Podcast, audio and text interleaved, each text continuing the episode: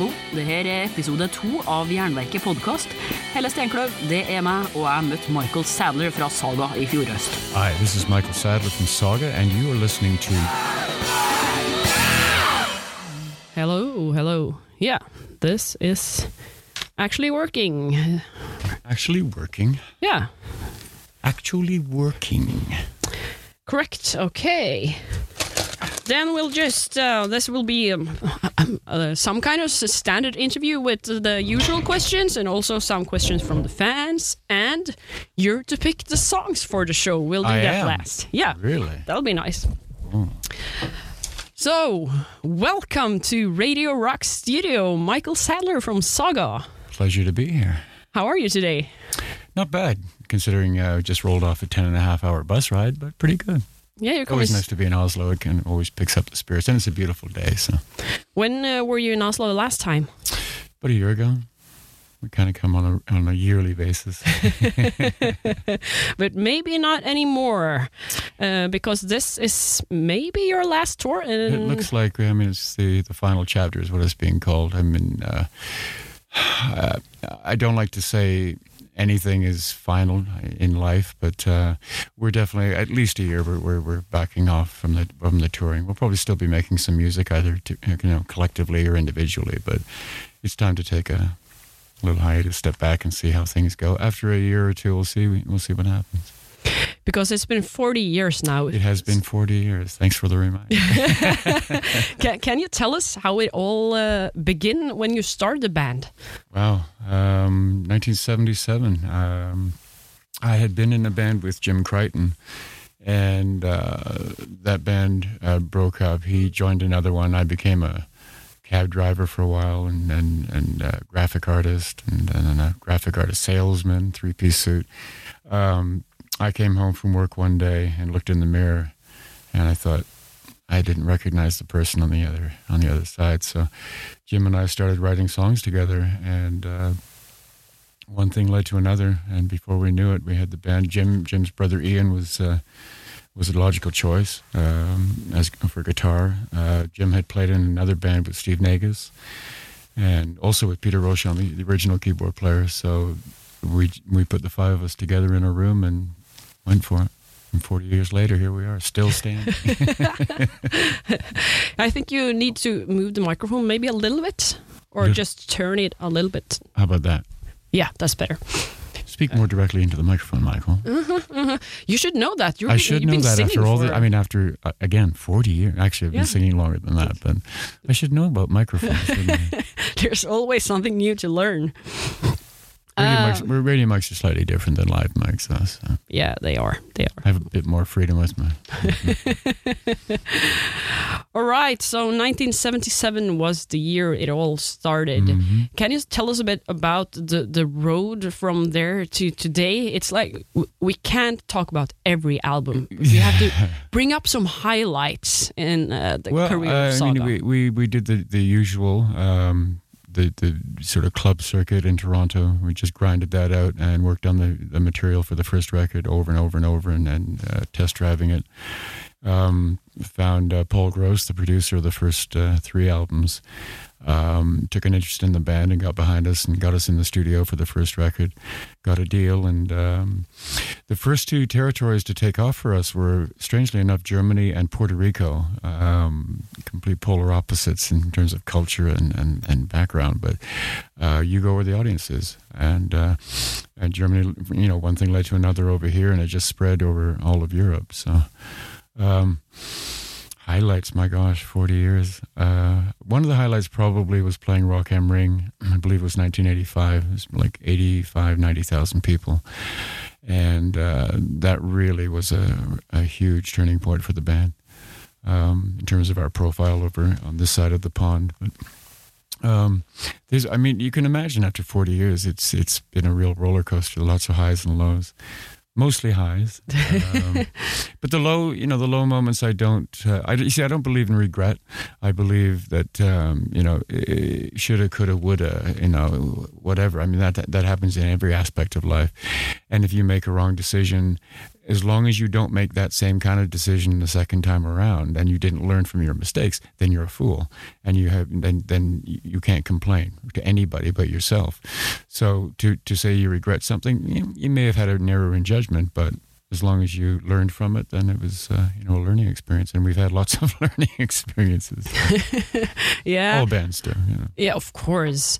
And you also since since you've been going on for uh, different uh, like four decades, four or now it's five decades? decades. Yeah. So uh, you were also in the the music television era with MTV, MTV and music yeah. videos. We were one of the first actually um, when we started. Uh, um, it, MTV was just just beginning, and I remember uh, when we did Worlds Apart, and uh, the song "On the Loose" was going to be released as a single, and um, and wind them up close behind it. But I remember the management coming to us and say, "I, I think we should do a, a, video." And we said, "What do you mean a video?" Well, we should do a music video, like a video of the song, like half performed and like a storyline. And we were like. What are you talking about? Because it was a whole new uh, genre, a whole new new medium. And so we said, okay. So we made one. And at the time, M- MTV was just starting out in the States. So they didn't really have a lot of content. So we got in there really early. So consequently, we got a lot of rotation because, really, like once an hour, you could see the video. But uh, again, that was very instrumental in breaking the band too. The, you starred in the videos yourself. Too. Yeah, it was it was that era. Yeah, it, it, was that it was that whole style of videos where you've got a, the the band sort of half performing, and then you've got the storyline, as it were. So, uh, you you know you become a, an overnight actor.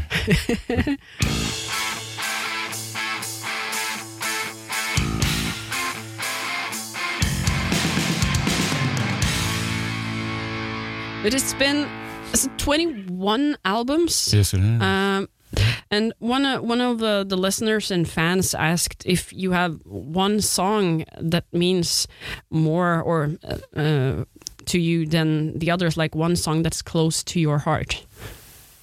Um, probably the song "Goodbye."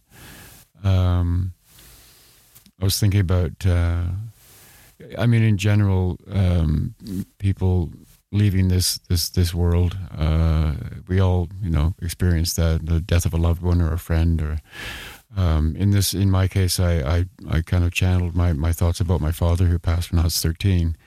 Um, but again, it wasn't specifically about him, but it's more about saying goodbye to someone in that sense. Uh, or like "see you later," which I believe, but um, that song means a lot to me. Mm-hmm. So, and performance-wise, I, I like my performance on it. So. I'm very fussy. I don't. I don't. I mean, I'm not 100 percent happy with anything we've ever recorded. I can listen to pick album number 14 or al- album number eight or whatever, and you can pick a track, and I'll tell you what I don't like about it and what I'd like to re-sing. Or, uh, and the other thing is, unless you um, unless you perform all the songs that are going to be on an album um, and and get used to them and until the, the, the vocal is, is alive and, and, and finds its own identity. If you just record and like write the song and then record it in the studio, I find that even songs like "Wind 'Em Up" or the, some of the older things that we've been sing- I've been singing for you know, almost forty years, um, I sing them slightly differently because I'm used to the song now, and, and and the inflections are slightly different. So that's why I look back on some songs and go, "Oh, I'd really, I'd really like to re-record that now." So. But what is your least favorite album in your least favorite? Yeah. Well, I love them all um, in varying degrees. Um, probably um, pleasure and the pain because it is both. it was a strange album to make, and it was just a it was a funny time. Um, there's I, I I mean I don't not like it as a whole. There are elements of it that I question, but but there was a reason why we did it at the time, so I can't. Again, it's looking back, going, I wish we hadn't done that. No, I'm glad we did because it it it, it showed a side of us that we were it was either possible to do or not possible to do, and I think you have to do that as a band. Uh, you can't just keep churning out. You, you can't find a winning formula and just stay with it. You can if you like, but but it, it curbs your creativity, and I don't think you grow as a musician or as a person if you do that. Mm. You know, I can name a number of bands that they found a winning formula, and and you can't tell me, you know, a song from one album one or album four or album seven. They kind of just sound the same, and there's nothing wrong with that if you purely want to go the commercial route, I guess. But if you're doing it for uh, mostly creative reasons, you want to try and grow. So it, it, that means trying different things. And if you end up with an album like Pleasure in the Pain, then you end up with Pleasure in the Pain. So. A good choice of name and uh, yeah, because yeah. it, it really is like it, for for me to listen to, I get both both emotions at the same time. But Saga as a band has done, done some um, interesting and different things too, uh, because you had uh, uh, the chapters puzzle, mm-hmm. Uh, a, like a kind of song puzzle that went over many, many years and albums. Uh, can you uh, tell us about the, the thoughts behind this and how it all well, began? I, the, the idea was um, Jim Crichton had the idea of this story, this story set in the in the future. you can call it sci-fi if you like, but he had the finished story in his head, and we thought rather than do a concept album, which a lot of people just they hear the word concept, they won't even listen to it because oh, I don't want a concept album. I don't want to have to think. Um, instead of doing that, we, we decided to break it up, like as you said, like a jigsaw puzzle, and put two chapters on each record, but out of sequence, which makes people try and fill in the holes and figure out what's what's happening next. And the nice thing about doing that was um, I you know, I kept the lyrics, or we kept the lyrics semi ambiguous in the sense that it wasn't really giving anything away, even when you put all 16 chapters back to back. Um, what I did find when it was complete that people were submitting what they thought the whole story was about and really detailed. I mean, like 30, 40 page uh, uh, breakdown of, of exactly what's going on in, in each chapter and the conclusion. And um, about, well, most of them were close, but, but were really not getting, getting all of it or getting the point of it. But having said that, um, the fact that they went to the trouble uh, and a great deal of trouble to to figure it out and write it down and, and so committed to it was a great testament to to how much we had inspired someone to to actually think about it and and get into it so hmm. in that sense it worked but did did you yourself uh, finish the story the moment you, you, thought about this puzzle idea, or did you create the songs and the lyrics uh, throughout well, we knew, the We knew that we knew the beginning and the end, and mm. and how to get there was the trick, and that was the kind of challenging part and fun part. Um, what ended up happening, we would we knew there would be two chapters on an album, for example, and we would have some songs and we go we need we need two chapters songs and let's say we want to work on chapter seven and chapter three on this one um, seven needs to be very epic I'm probably getting, and all the fans are going, no, no, seven's not like that. It's actually, I'm just saying this as an example. Um, whatever number it was, we say, okay, at that point in the story, this needs to be an epic sounding song because a lot's going on. So that's going to be that chapter. And we need a softer, sort of retrospective song. So let's see what we've got. Ah, that's perfect for that. So we would take those two songs, they would become the chapter song for that album. So um, that's basically how it worked out. And we just, the songs basically decided which ones were going to be chapters. You could just tell um, that it was, you know, oh, we need we need this kind of song. Ah, that's perfect. So. Mm-hmm. It was fun. Yeah, it, it, it, sounds so exciting. It was. It was. It, was, it, and it's it really, really, it's really good for creativity because it's just you know instead of like what are we going to write about, it also gives you a goal, it gives you a, a, vision of ah, and you know what the lyrics should be about what's happening at that point in the story. So.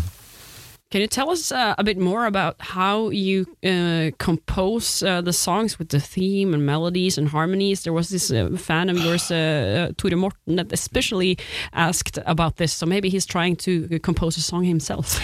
It's it's I don't want to say different every time, but but it really depends on on the mood you're in. It depends on on how in, inspired you are by something. I mean, I can come up with some lyrics sometime in the middle of the night and and just wake up and just write it down really quick so I don't forget it. Musically, there's never been a shortage of of uh, musical ideas. Um, it's really sorting out the ones that you know um, everyone wants to use, everyone agrees on. Um, generally, what happens is, um, especially in the meantime, um, we will write individually when we know we're preparing to do a, a new album. Uh, so there's the pre-writing, and everyone will have like a, a wealth of, of, bits and pieces, sometimes complete songs, but generally like verse, chorus, whatever. Um, bring it into the pool, as it were, and we'll put all the ideas together and we'll listen to them. And for example, I'll have like a really good verse, but I need a chorus.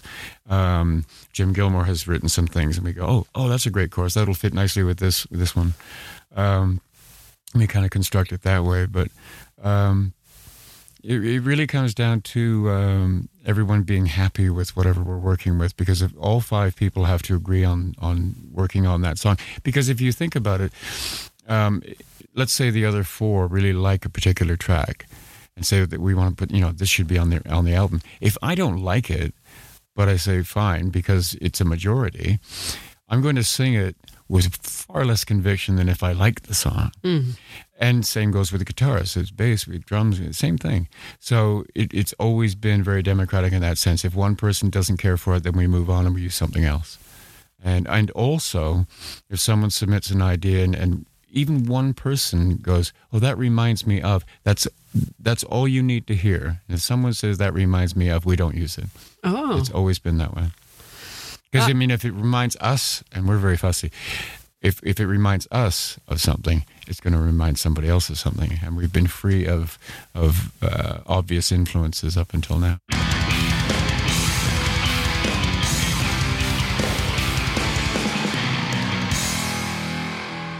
But even though I, I saw in um, an interview, um, you described that some fans were very into specific uh, uh, records and, and, times in the, the saga career, yeah. and that you also tried to not like write the same album, but recreate the feeling you had when you made just that fan favorite. So in a way, yeah, I mean, it, it's not a matter of dissecting, say, a certain record and going, you know, let's write songs. Like we need a song like that. We need a song like that. And, um, what what it, that that that's more in reference to getting that kind of a comment, for example, and going, okay, what is it? I, I what it, I wonder what it is about this this album that's coming across to people or to this individual, um, and and then you listen to it and you go, okay, and as you said, you try and get get back into that mindset and think, you know, you can never fully recreate what happened during the making of a record. The best you can do is is try and understand what touched those people at the at the time. But then again, you see, see, life goes on and you move on. So this the person that was affected at that, let's say the album was Silent Knight, and the person was really affected by that album, and and they think you know they would like another Silent Knight. But the thing is, it, it it's special to them because perhaps uh, not just with the music and what was being sung about, but what was happening for them personally at that time in their lives. So even if you say, let's say you released a Silent Knight right now and that Silent Knight didn't exist, it might not have the same impact on that individual now than it would have had 30 years ago. True. So it's a very it's it's a very it's very tricky because you're dealing with people's changing tastes all the time and, and growing up and, and you know. The last album you put out was in 2014, the the Sagacity. Um, have you now as you're going on a, a, hiatus or whatever we don't know yet do you have any songs inside you now that you think that might come on an album someday oh yes yes i i, I i'm always right uh, even on tour um, I, I mean, after six weeks, I think I only was in my bunk three times. Um, only on the very long, longer drives. But uh, after everyone's kind of gone to their bunk, I, I break out my laptop and I have my my uh, recording system, and uh, I've written already three pieces on this tour. Wow, uh, there's just a lot there. Um, but yeah, there's there's no shortage of of material. Yeah. But you have some other band projects too on the side uh, that you work with. Uh, how does all this work out with more, so many bands uh, at the same time? Well, they're not they're not active bands per se. A lot of them are, are guest appearances. Um, the only project that's could be considered another band is a uh, the Dave Barrett Trio in Toronto uh, which was like a power trio, instrumental power trio, until I came along and, and and sang a song, and he, suddenly they have vocals now. So that's something we're pursuing, and we've just done three songs with Terry Brown, uh, who produced Rush um, for a while. Um, I have uh, I'm going on tour next year with uh, what it's called Rock Meets Classic in Germany, and it's uh, five featured performers and with a full-on rock band and full orchestra, and it's they orchestra they orchestrate um, existing uh, say hit singles or hits or whatever, and each person uh, each featured performer does three or four songs. Um, I also have, um, I was involved in a, a, project called Excalibur, which was a Celtic rock musical, uh, rock opera. Uh, that was last December. That's going to probably go out again next year. Uh, there's a project out of France called DID. This is a very, very important project. I believe it's a it's a concept album, and I was one of I believe five singers, and we each are a different character. DID stands for dissociative identity disorder. Mm akin to schizophrenia, um, but it's one man's journey and battle with it, and I'm the bad conscience. Uh, but it's very, very, very epic. It's very, very good. Um, I signed on to it because I, I loved. I'm from like the first ten bars of hearing uh, an example of what it was going to be like. I had to be part of it. Mm. Um, that's just been released. Um, and and a Swedish band, a Swedish project called Impera uh, Johan Kihlberg uh, contacted me if, uh, to see if I'd be interested in singing, uh, doing one of the songs. So that turned into a single that's coming out in next February. So I like to stay busy. Sounds like it. Yeah. But you also t- took a break from Saga a few years ago because you were so busy and wanted to spend time with your family. Well, yeah, um, I'd always wanted to have um, have a little boy. you can never predict, but I, I always did. And uh, I took time off for, for personal reasons. And it was exactly 30 years. And I thought, if I'm going to do it, this is a, a, good time to do it. I always said that I would wait until I was home to be able to watch him grow up. And I thought, you know, this is the time to do it. Um, having said that, I believe that in the back of my mind, I had not closed the door to the possibility of returning. Although my decision was a final one, mm. uh, I wasn't ruling out the possibility that perhaps one day I would entertain the idea of thinking about the possibility. How's that? and, and, after four years, uh, I was just discussing how things were going with Jim Crichton and. Uh, we stayed in contact, obviously, and I followed everything Saga was doing while I was gone, of course. Um, and we just jokingly one, you know, talked about it one day. I said, you know, maybe, uh, maybe I should come back and we can, you know, do a new album together. It'll be really successful, and we'll go out and tour again. And we're just kind of laughing about it. And then one thing led to another, and and it kind of came up in conversation. And you think we should seriously think about this? And uh, I, I mean, at that point, I just I said, well, three things have to happen. First, I have to discuss it with my family because family comes first. In the meantime, at that point um, my wife said, "Yeah, get out of here. You know, you've been you've been out of it long enough. It's what you do. Go for it." And I was embedded in my son's life enough that uh, he could look at the videos and see what Dad does and that kind of thing. So we understood. And I said, "You also have to tell." Um, tell Rob Moratti, who who replaced me for those years, you have to tell him that we're even having this conversation because it would not be fair for us to decide that and then say, "Thanks very much, Rob. Bye bye. Michael's back." You can't do that. So you have to include him in this. And thirdly, you have to run it by the other guys in the band because I don't know. You know, uh, maybe there was some underlying things. Maybe there was some resentment. Maybe there was, who knows? But you have to make sure that that's what they want as well. And apparently they said yes immediately. Rob was informed. My wife kicked me out and said, get back on the road. and so it, you know, I came back in 2011. Mm-hmm. Mm-hmm. But as I said, it was time enough to, to accomplish with my son what I wanted to accomplish and be there from the very beginning so he knew who dad was. The last thing I wanted was to be on the road and have my wife call me in a hotel room and say, he took his first step today or he said his first word today. That would crush me. Mm-hmm. mm-hmm. But I read that you actually love touring too, the, the parts with the going to the hotels and the I trip do. and all. I, I love the whole ritual of it. I mean, it can, yeah, of course it can be tiring in that, but I mean, going on vacation can be tiring, you know, the, the travel part of it. But I enjoy things like, I enjoy airports. I think I find them fascinating. And the, the travel and the hotels and the, and the whole thing associated, the backstage stuff, the, I don't know why. And it's just, it's always, I've never really complained about it. Uh, There's been uh, journeys that that were really rough and that, but again, I, I don't know. I just find it all. It's fodder for lyrics, if nothing else. But I find it fascinating, and, and it's yeah, it can be tiring, but it's part of it. Yeah, it's fun.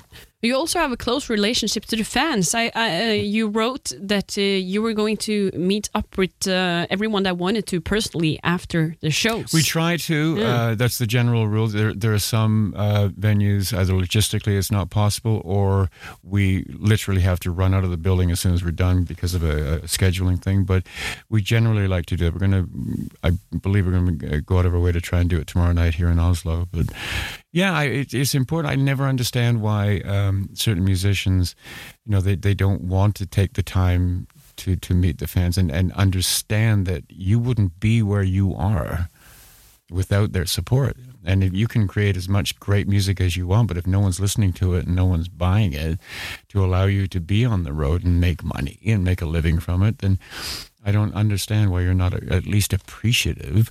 Um, hey, well, we do shows and we thank them on stage. No, no, no, no. I mean, they they, they want to feel like they met you. They want to shake your hand and say thank you, and you should be saying thank you back. You know. So it's a very reciprocal thing, and, and and some musicians just don't get it, and I've never understood that. I think it's really important, and and I find it great. I mean, I love talking to the fans because you find out more about where they're coming from and why they like the music and, and that kind of thing. I Mm. be involved with them Mm. to a point.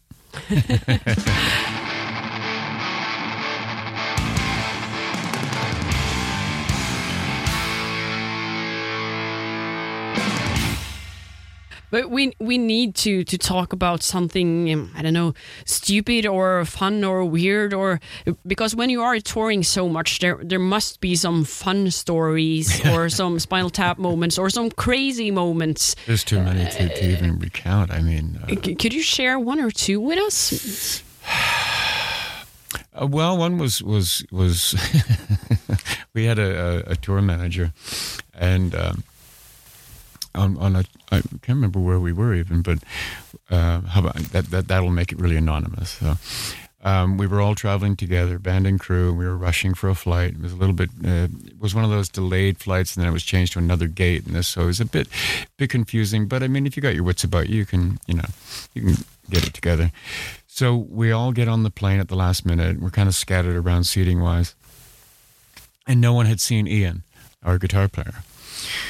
And and we're looking around going, Has anyone seen Ian? Where's Ian? Where's Ian? And our tour manager he holds up his boarding pass and says, Well, he's gotta be on the plane, guys. I've got his boarding pass right here.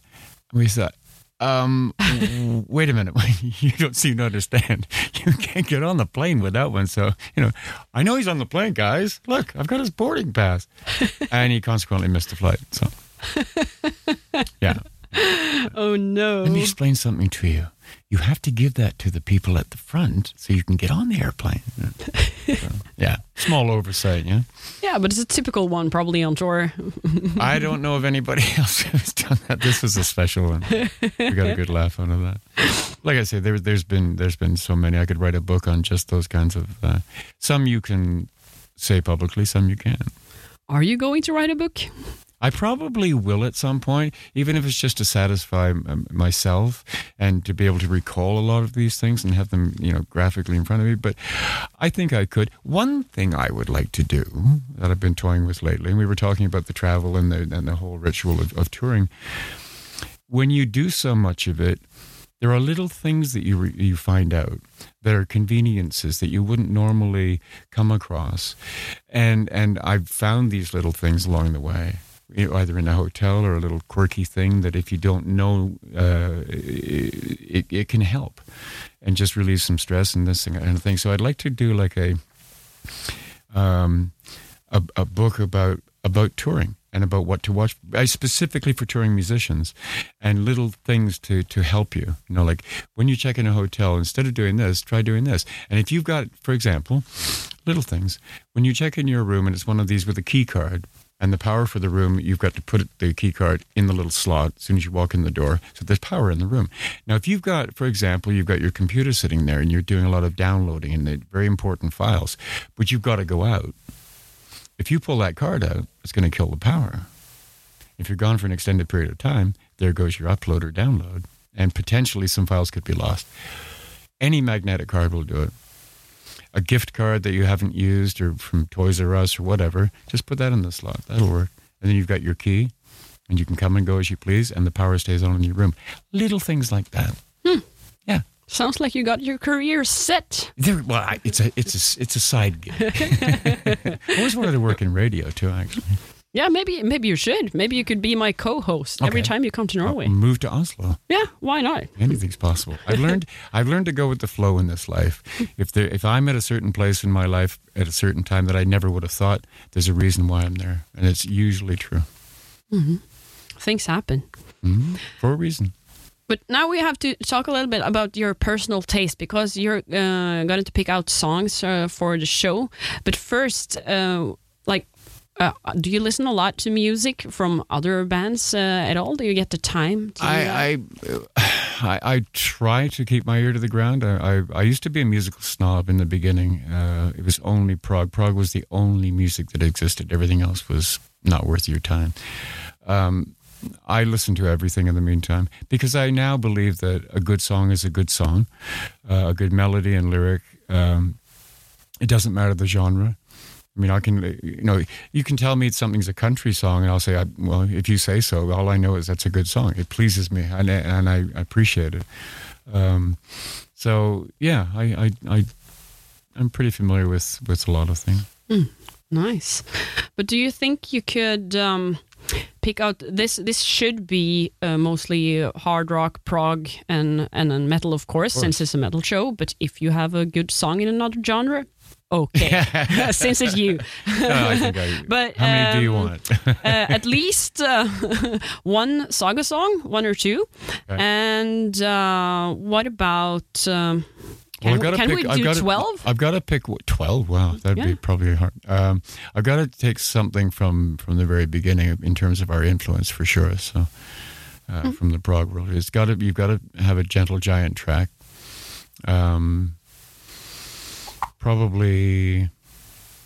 Let me see. For those who haven't heard Gentle Giant, Knots would be a great example. Mhm. Um, anything by Boston because I thought Boston were were a phenomenal band, and, and Brad was a great, great, great singer. I like um, I like Thirty Seconds to Mars. Um, I like Muse in the meantime in terms of, of new stuff. Muse. Muse, M U S E. Yeah, yeah, yeah. Yeah. Mm. Um, and actually, I believe he's a Norwegian artist. Called him. Him. No, his um his Finnish. Finnish. Yeah. Ah, okay. Close Uh, enough. but yeah, close enough. Same part of the world. yeah. I discovered him. I discovered him uh, a few years ago. And someone turned me onto it, and and what I liked about it was he reminded me of Marc Bolan in the original T Rex, like way back. Uh, just the whole, I don't know, there was something about it that, that that appealed to me. There's so many different things that I mean, if I saw a list, like, oh yes, oh yeah. I mean, if you threw out some names. Um, I mean, if you ask me, do you like such and such, I'll be able to tell you. And probably, um, Of course, you have to take some of the, the snobby progressive uh, rock bands you listened to uh, before. growing up, well, Gentle Giant, obviously, Yeah. uh, early Genesis with Peter Gabriel. Mm. With Peter Gabriel. No offense to Phil, but Phil's a good singer, but it suddenly got a little on the commercial side a bit later. Mm. Um, excuse me, because I still think that Lamb Lies Down on Broadway is, is a masterpiece and always will be. Um, anything by Queen. Mhm. um, but probably specifically um, the Innuendo album, when which was Freddie's last. Uh, there's some some really deep seated emotion in that record, and and it's very very very emotional. Uh, is. Was, I was hugely influenced by um, by Freddie Mercury in terms of performance. Um, the way he could, he, he, I mean, he could take a crowd of ninety thousand people and make it feel like you were in his living room. He could make give this familiarity and, and this and this ex- accessibility, which I which I I try to do as well. Um, of course, Peter Gabriel, uh, anything by Peter Gabriel. Um, Like solo. yeah, Mm. yeah, yeah, yeah. Um, I even like some Ozzy stuff. I actually sang on an Ozzy record. Ozzy Osbourne. Did you? Yeah. Which one? Yeah. No Rest for the Wicked. Okay. There's no mention of me on the credits whatsoever. Which song is it? I did about four or five. I was doing background vocals for him. Okay. The story behind that was um, we were in Los Angeles in Jim Crichton's studio, and next door was Keith Olsen's studio. He did a lot of the 80s, uh, very famous 80s bands. And he'd been called to um, fix the background vocals on, on No Rest for the Wicked.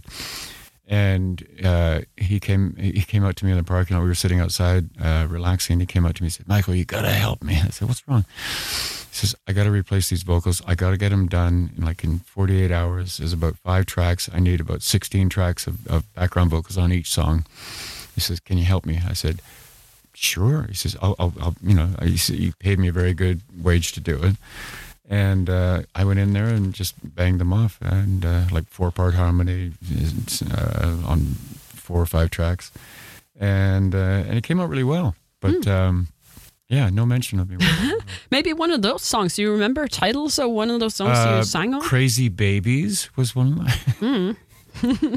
uh, yeah, that's a good one. yeah, Yeah, nice. yeah, that's a good one. That's a good story. I didn't know that. Yeah, not a lot of people do. Not a lot of people do. Hmm. What about uh, some Canadian music?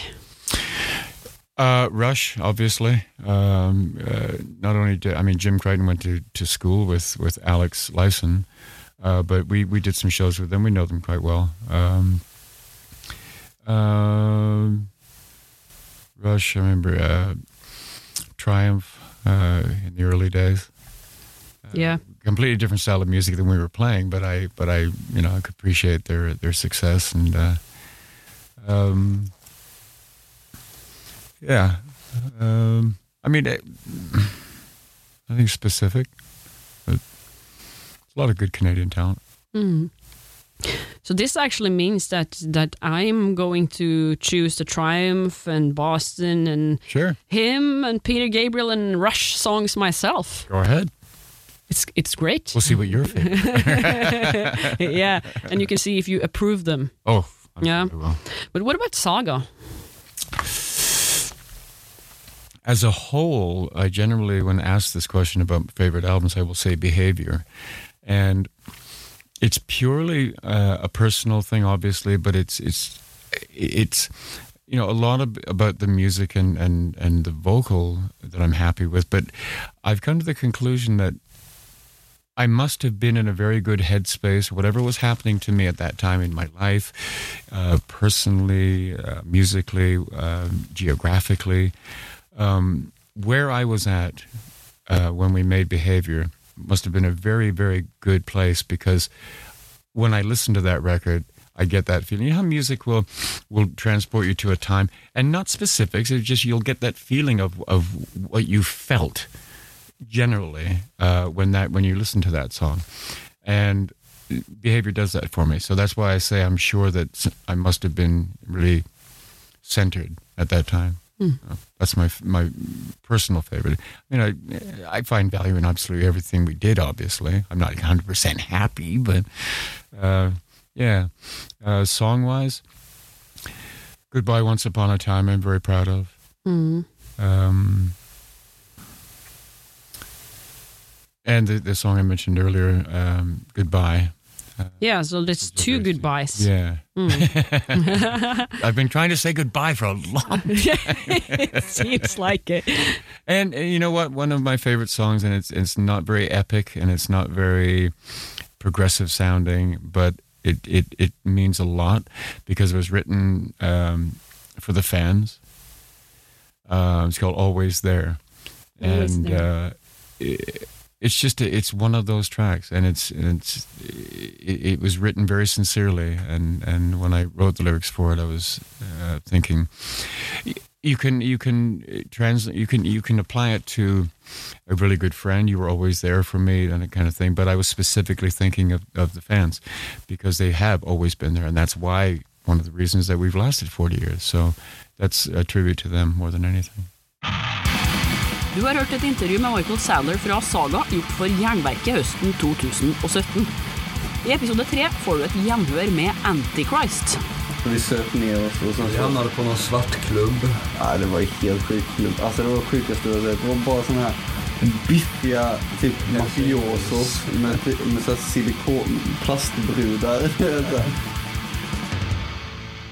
Antichrist-intervjuet legger ut nå. Du kan laste ned til foretrukken podkastleverandør eller på jernverket.kom. Jeg heter Helle Steinkløv, og Jernverket podkast presenterer ett nytt hardrock-intervju hver fredag.